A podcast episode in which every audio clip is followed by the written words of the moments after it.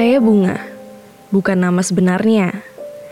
Saya ingin menceritakan pengalaman saya tertipu di media sosial.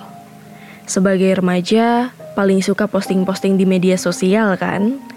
Maklum, lagi mencari jati diri. Wajar kalau banyak notifikasi DM atau inbox rame di HP saya. Iseng-iseng saya lihat satu persatu DM dan inbox.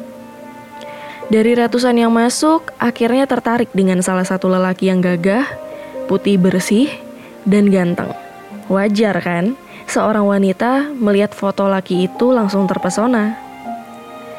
Saya langsung respon dan berlanjut chattingan. Dia minta kontak, cuman nggak saya kasih, takut nanti bakal mengganggu. Kami berkomunikasi lewat inbox sampai dua bulan lamanya. Selain ramah, supel, dan baik, Orangnya juga enak diajak ngobrol, ditambah perhatian banget.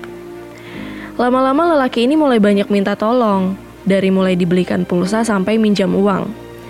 Sesekali permintaan dia saya turuti, tapi lama-kelamaan nilainya lumayan besar kalau dihitung-hitung. Tibalah saat pertemuan. Kami janjian di kafe dekat rumah jam 8 malam. Tapi sebelum ketemu, saya mengatur strategi dulu. Saya bilang pakai baju merah dan dia pakai baju putih. Waktu pertemuan tiba, sengaja saya pakai baju putih.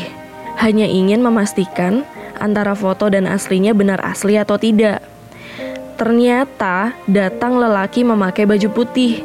Untuk memastikan, saya inbox pura-pura datang telat.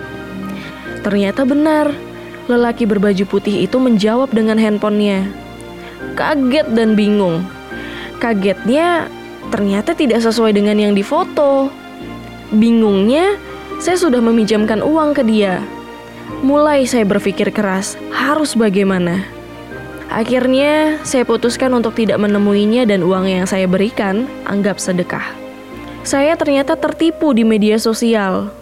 Sebagai pembelajaran, lain kali jangan tertipu dengan namanya foto profil di media sosial ya.